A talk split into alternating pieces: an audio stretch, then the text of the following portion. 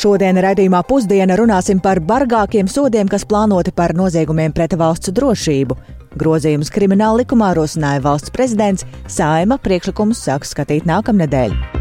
Kāda ir mūsu ekonomikas veselība? Kāpēc tomēr situācija ir nedaudz sliktāka nekā cerēts iepriekš? Programmā ar savu vērtējumu Latvijas Bankas ekonomisti. Šeit jāatzīst, bijām nedaudz optimistiski, un šī gada otrais un trešais ceturksnis ir izrādījies vājāks. Nu, faktiski ekonomika ir stāvējusi uz vietas vai pat nedaudz samazinājusies. Un kā ar prāta vētru tiks pie Guinness rekorda? Kur tā notiks un vai rekords tiešām būs, arī par to jau tūdaļ plašāk raidījumā pusdiena.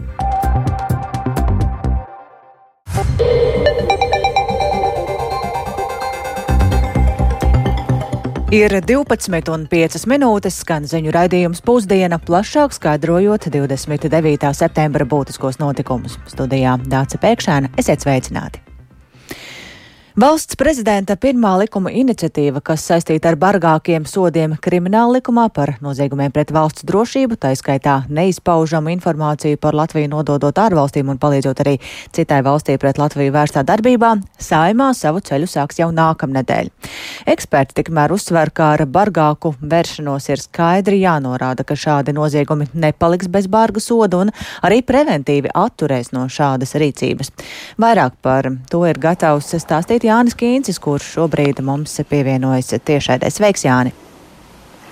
Sveika, Dati! Sveicināti radio klausītāji! Valsts prezidenta Edgara Rinkēviča rosinājums saistībā ar noziegumiem pret valsts drošību paredz palielināt sankcijas, būtiski bargākas sankcijas. Piemēram, par neizpaužamu ziņu vai noslēpumu nodošanu ārvalstī varētu sodīt pat ar mūža ieslodzījumu vai ar brīvības atņemšanu līdz 20 gadiem ar mantas konfiskāciju. Valsts amatpersonai par palīdzību ārvalstī pret Latviju varētu piemērot līdz 20 gadiem cietumā. Rinkēviča ieskatā krimināla likuma regulējumam ir jābūt atbild atbilstošam aktuālajam apdraudējumam, un tas nedrīkst būt nesamērīgi vājš salīdzinājumā ar potenciālo kaitējumu valstī un sabiedrībai, vai arī nesamērīgi ierobežojošu pret kādu citu valstī, kādu citu valstī kaitīgu izpausmju gadījumā. Šo motīvu, šo motivāciju papildina krimināltiesība eksperts, Saimnes juridiskās komisijas vadītājs Andrēs Judins no jaunās vienotības.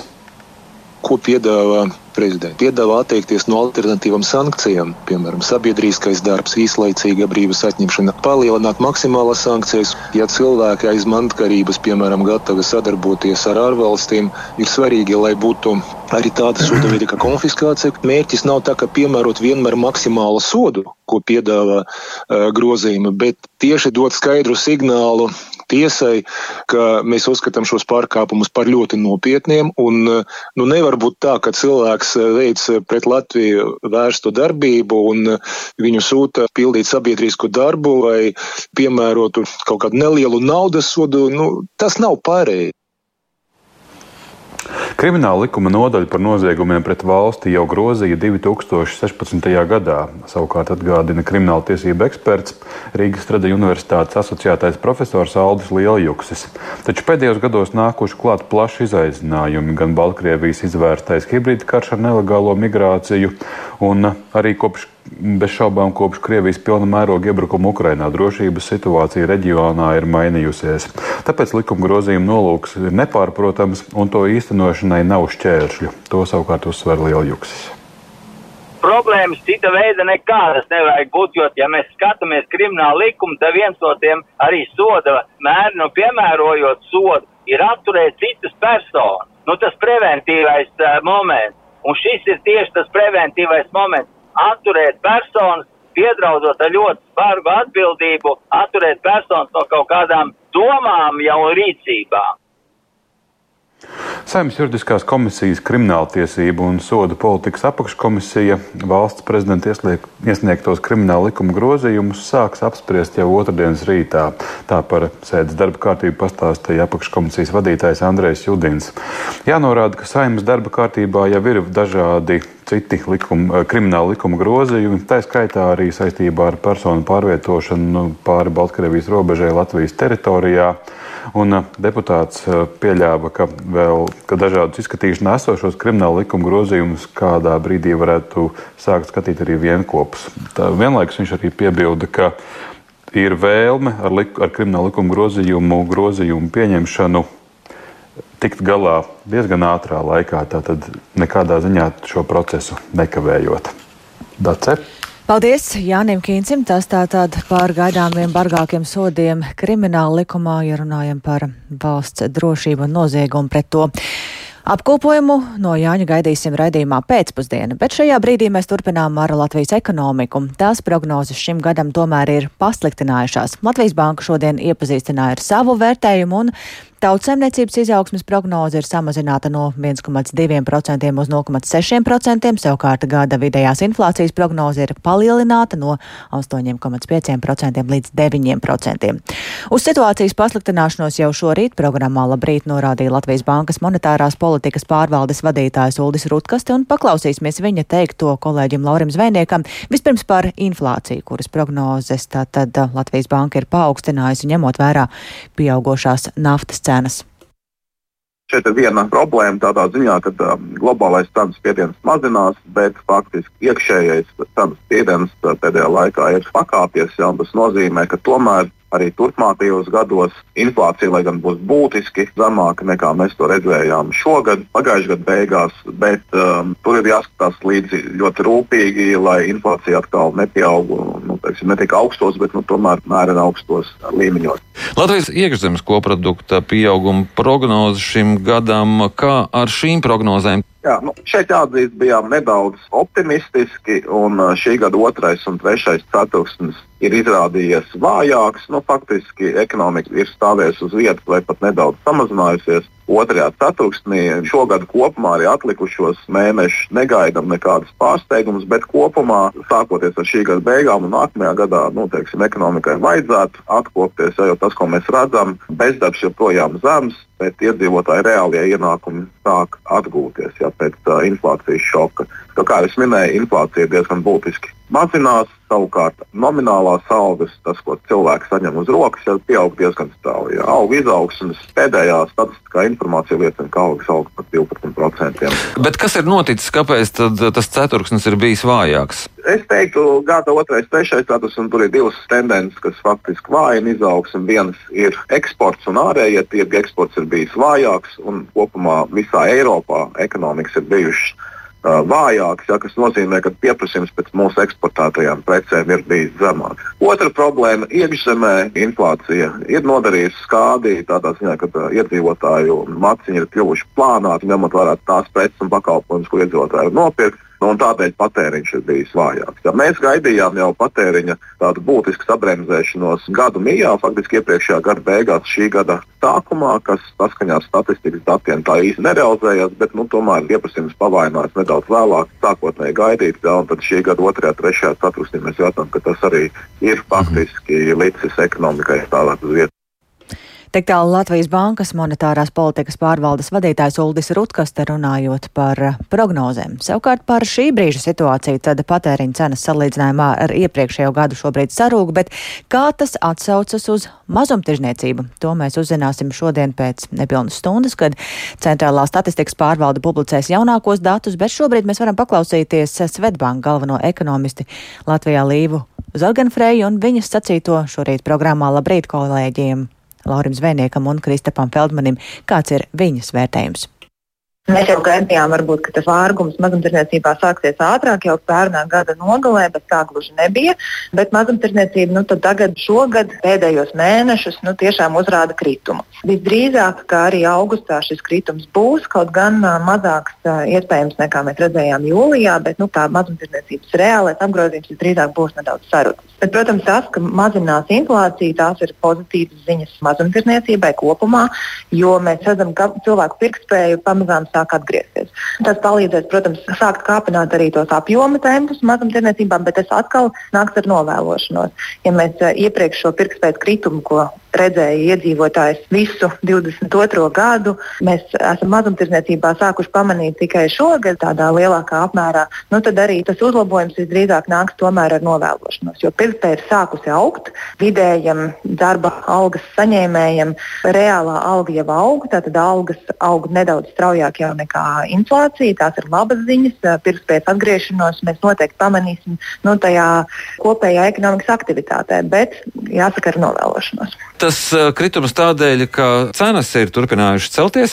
Jā, nu, bet nu, cenas ceļas ar vienu ar lēnāku un lēnāku tempu. Bet uh, kritums gan tādēļ, ka ir bijis šis iepriekšējais pirktspējas zudums. Mēs esam reālā izteiksmē drusciņi nabadzīgāki dēļ šī lielā cenu kāpuma, dēļ šīs straujās inflācijas. Otra lieta ir tā, ka vienkārši šis cenu līmenis ir ļoti augsts. Tas ne tikai ietekmē to, cik strauji aug mūsu reālie ienākumi, bet tas ietekmē arī to vispār, ko mēs varam atļauties un kā mēs skatāmies uz šīm uh, precēm un pakalpojumiem, ko mēs gribam vai negribam pirkt. Un uh, šis augstais cenu līmenis noteikti sāk kļūt ierobežojošs. Ir arī kādas preču grupas, ko var izcelt, uz kurām varbūt visvairāk kādas izmaiņas attiecās? Nu, tā atsevišķi saistībā ar mazumtirdzniecību drīzāk nevar izdalīt. Tas, ko mēs noteikti pēdējā laikā esam pamanījuši, ja iepriekš mēs redzējām diezgan strauju šo degvielas cenu samazinājumu, tad tagad pēdējos mēnešos tā degvielas cenas ir kāpušas. Tas mazumtirdzniecībā arī visdrīzāk atspoguļosies. Dzirdējām Svetbanka galveno ekonomistu Latvijā Līvu Zorgenfrēju. Tagad gan par notikumiem citviet pasaulē. Zviedriju ir skāris plašs vārdarbības uzliesmojums. Tas ir saistīts ar bandām, kas kārto savstarpējos rēķinus, taču cieši arī ar to nesaistīti cilvēki un bērni. Septembrī apšaudēs un sprādzienos nogalināti 12 cilvēki, un tas ir lielākais skaits vienā mēnesī pēdējos četros gados, tā liecina Zviedrijas sabiedriskās televīzijas SVT apkopotie dati. Zviedrijas premjerministrs Ulfs Kristersons cīņā ar noziedznieku bandām ir solījis iesaistīt armiju, un plašāk par to Riharda Plūmas ierakstā. Zviedrijā pēdējos gados notiek asiņaini konflikti starp bandām, kas cīnās par ieroču un narkotiku tirzniecību, un tie ir izvērsušies par bandu savstarpēju atriebību. Daudz dzīvokļu ēkas un citus mājokļus valstī bieži satricina sprādzieni, notiek slepkavības un publiskās vietās regulāri notiek apšaudes, kas agrāk notika tikai nelabvēlīgos rajonos. Plašs vardarbības uzliesmojums Zviedriju skāris arī šomēnes. Piemēram, trešdienas vakarā 18 gadus vecs vīrietis tika nošauts futbola laukumā turīgā Stokholmas piepilsētā. Vēlāk ap pusnakti citā Stokholmas piepilsētā notika apšaude, kurā tika ievainoti divi cilvēki, no kuriem viens vēlāk nomira. Bet dažas stundas pēc tam sprādzienā pie Upsalas tika nodarīti postījumi pieciem namiem un tika nogalināta 25 gadus veca sieviete, kurai nebija zināmas saistības ar bandām. Upsalas iedzīvotāja Marija notikušo atceras šādi. Jag vaknade vid ungefär kvart 10.4 av att det var som en... Es pamodos pirms četriem. Tā bija kā detonācija, kaut kas uzsprāga un satricināja māju. Es dzirdēju, kā cilvēki iznāca un sāka runāt viens ar otru par notikušo. Pēkšņi sieviete sāka kliegt un vaimanāt, un tad bija daži, kas kliedza, ka jāiet paskatīties, kas noticis. Tad es redzēju, ka apkārt ir daudz policijas automašīnu un cilvēki, kas staigā apkārt. Zviedrijas premjeras Ulfs Kristersons solījis sakaut noziedznieku bandas ar armijas palīdzību. Viņš šodien tiksies ar valsts policijas priekšnieku un armijas virspavēlnieku, lai noskaidrotu, kā bruņotie spēki var palīdzēt policijai apkarot bandas. Aizvien lielāku skaitu bērnu un pilnīgi nevainīgu cilvēku skar šī galējā vardarbība. Es nevaru pietiekami uzsvērt, cik nopietna ir situācija. Zviedrija nekad nebija redzējusi ko tādu. Neviena cita valsts Eiropā neredz ko tādu. Premjeras uzsvēra, ka tuvākajās dienās stāsies spēkā likumi, kas ļaus policijai noklausīties bandu telefonu sarunas, kā arī tiek plānots pārmeklēt cilvēkus dažos rajonos, noteikt smagākus sodus recidīvistiem un divkāršot sodus par zināmiem noziegumiem. Viņš atzina, ka Zviedrijai arī jāievieš novērošanas kameras sabiedriskās vietās un jābūvē īpaši cietumi pusauģiem noziedzniekiem. Smagā organizētā noziedzība pieaug jau vairāk nekā desmit gadus. Desmit gadu laikā nāvējošu ieroču skaits ir trīskāršojies. Tas ir politiskais naivums un ignorance, kas mūs šeit ir novedis. Bezatbildīga imigrācija un neveiksmīga integrācija mūs ir novedusi šeit. Atstumtība un paralēlā sabiedrība ir barojusi noziedzību, kas pietuvojas bērniem un apmāca nākamos slepkavas. Zviedrijas tiesību akti nav paredzēti bandu kariem un bērniem karavīriem, bet mēs to mainām. Mēs nomedīsim bandas un uzvarēsim bandas. Mēs viņus tiesāsim. Ja viņi ir Zviedrijas pilsoņi, viņiem jāpiespriež ļoti garš cietumsots. Ja viņi nav Zviedrijas pilsoņi, viņi ir jāizraida. Zviedrijas tieslietu ministrs Gunārs Strēmers neuzskata, ka policija šobrīd strādātu slikti. Viņa prāt tā dara visu iespējamo, lai paredzētu un novērstu šos noziegumus, kā arī tos atrisinātu. Tajā pašā laikā viņš izprotot iedzīvotāju prasību no policijas pēc labākiem rezultātiem tās darbā. Vēl nav skaidrs, kā tieši armija varētu iesaistīties. Tiek pieļauts, ka karavīri varētu pārņemt noteiktus policijas pienākumus, atbrīvojot resursus noziedzības apkarošanai. Daži kritiķi armijas iesaisti un citus izziņotos ierosinājumus ir raksturojuši kā virspusējus, apgalvojot, ka tie ārstē vardarbības simptomus, nevis pamatcēloņus. Rihards Plūme, Latvijas radio.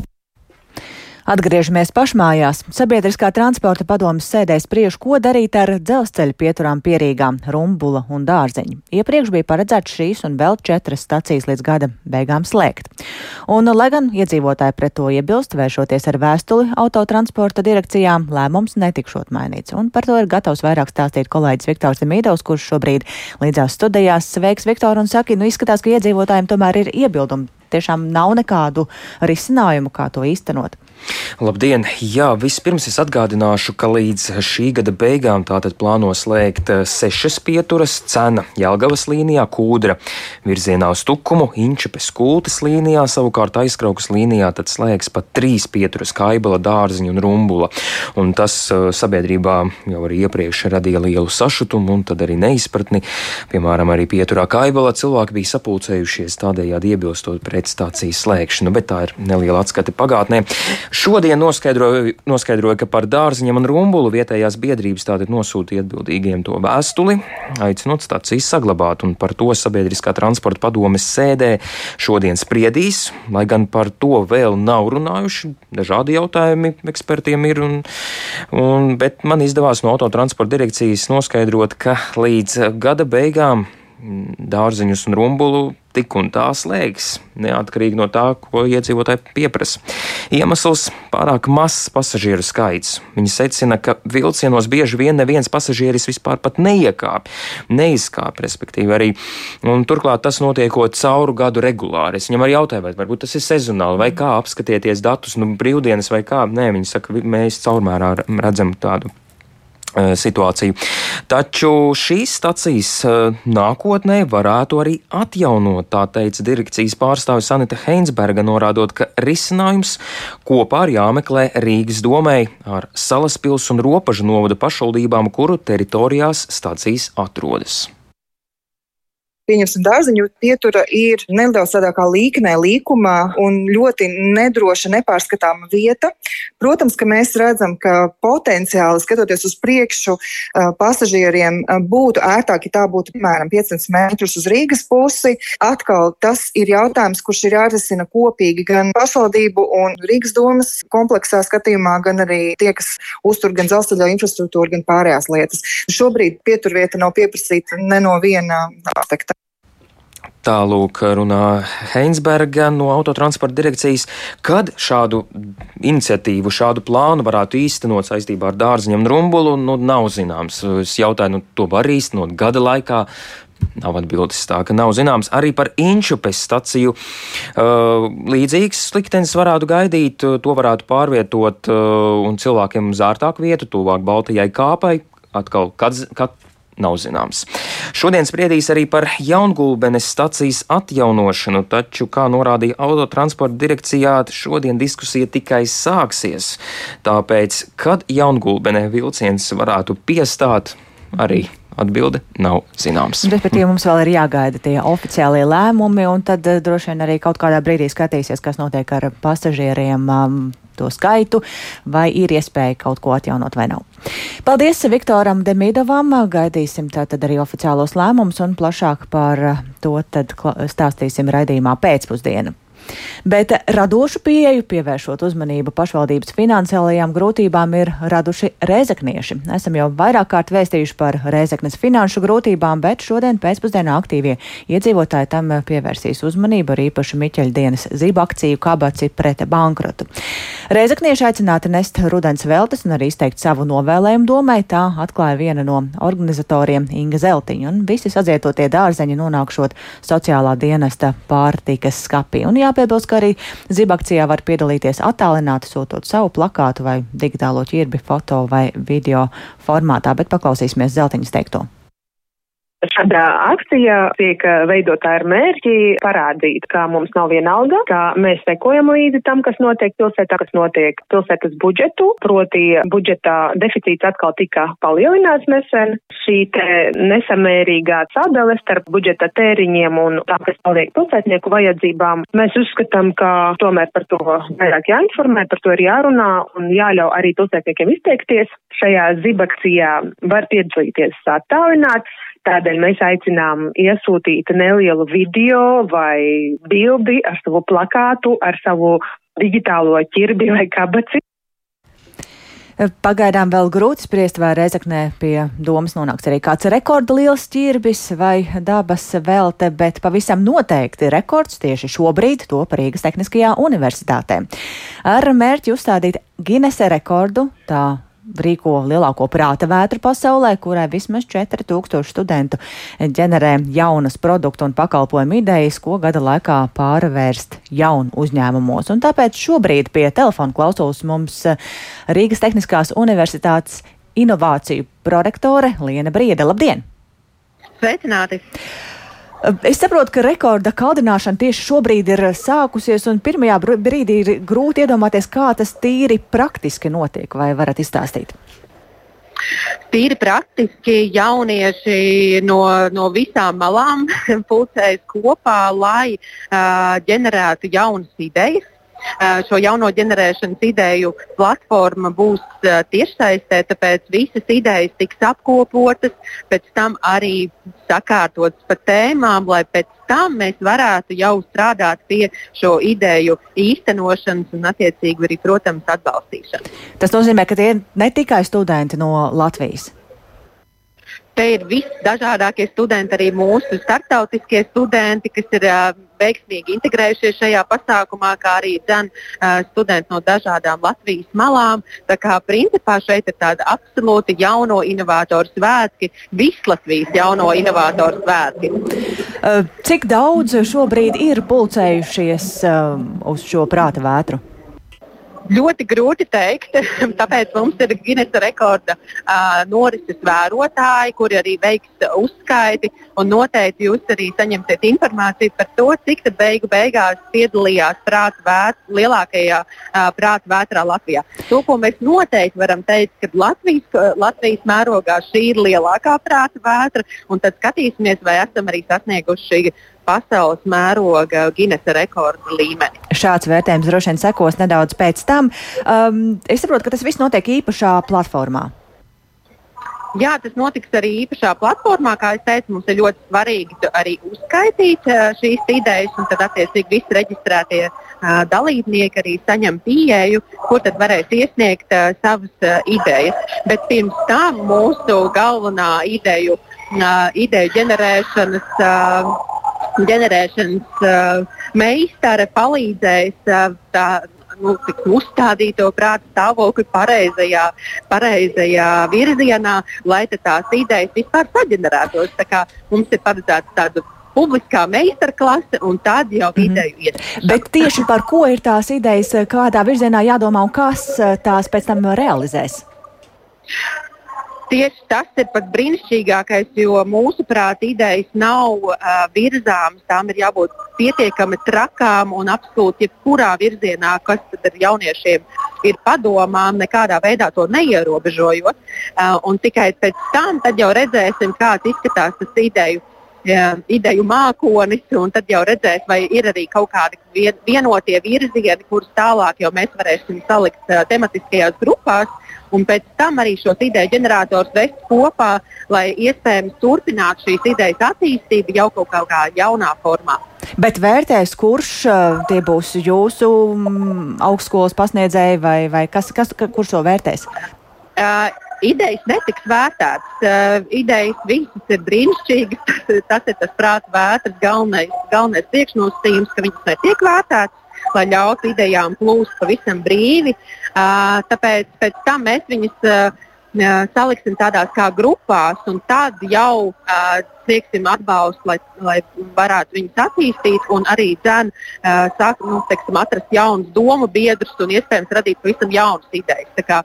Šī ziņā tas nav ideju konkurss, mm -hmm. viņas netiek vērtētas. Galvenais uzdevums ir radīt idejas, un pēc tam jau citos atbalsta instrumentos var arī uh, var arī iesniegt, lai saņemtu vērtējumu. Paldies par sarunu RTU inovāciju prorektorai Lienai Briedai. Tātad Rīgas Tehniskajā universitātē šobrīd ģenerē idejas un iespējams top Gīnesa rekords. Un ar to tad arī skan raidījums pusdiena, ko producēja Aiga Pelane, ierakstus montēja Renārs Steimanis par labskaņu rūpējās Mārtiņš Paeglis un ar jums sarunājās Dāca Pēkšēna. Raidījums arī raidierakstu platformās un Latvijas radio mobilajā lietotnē. yeah.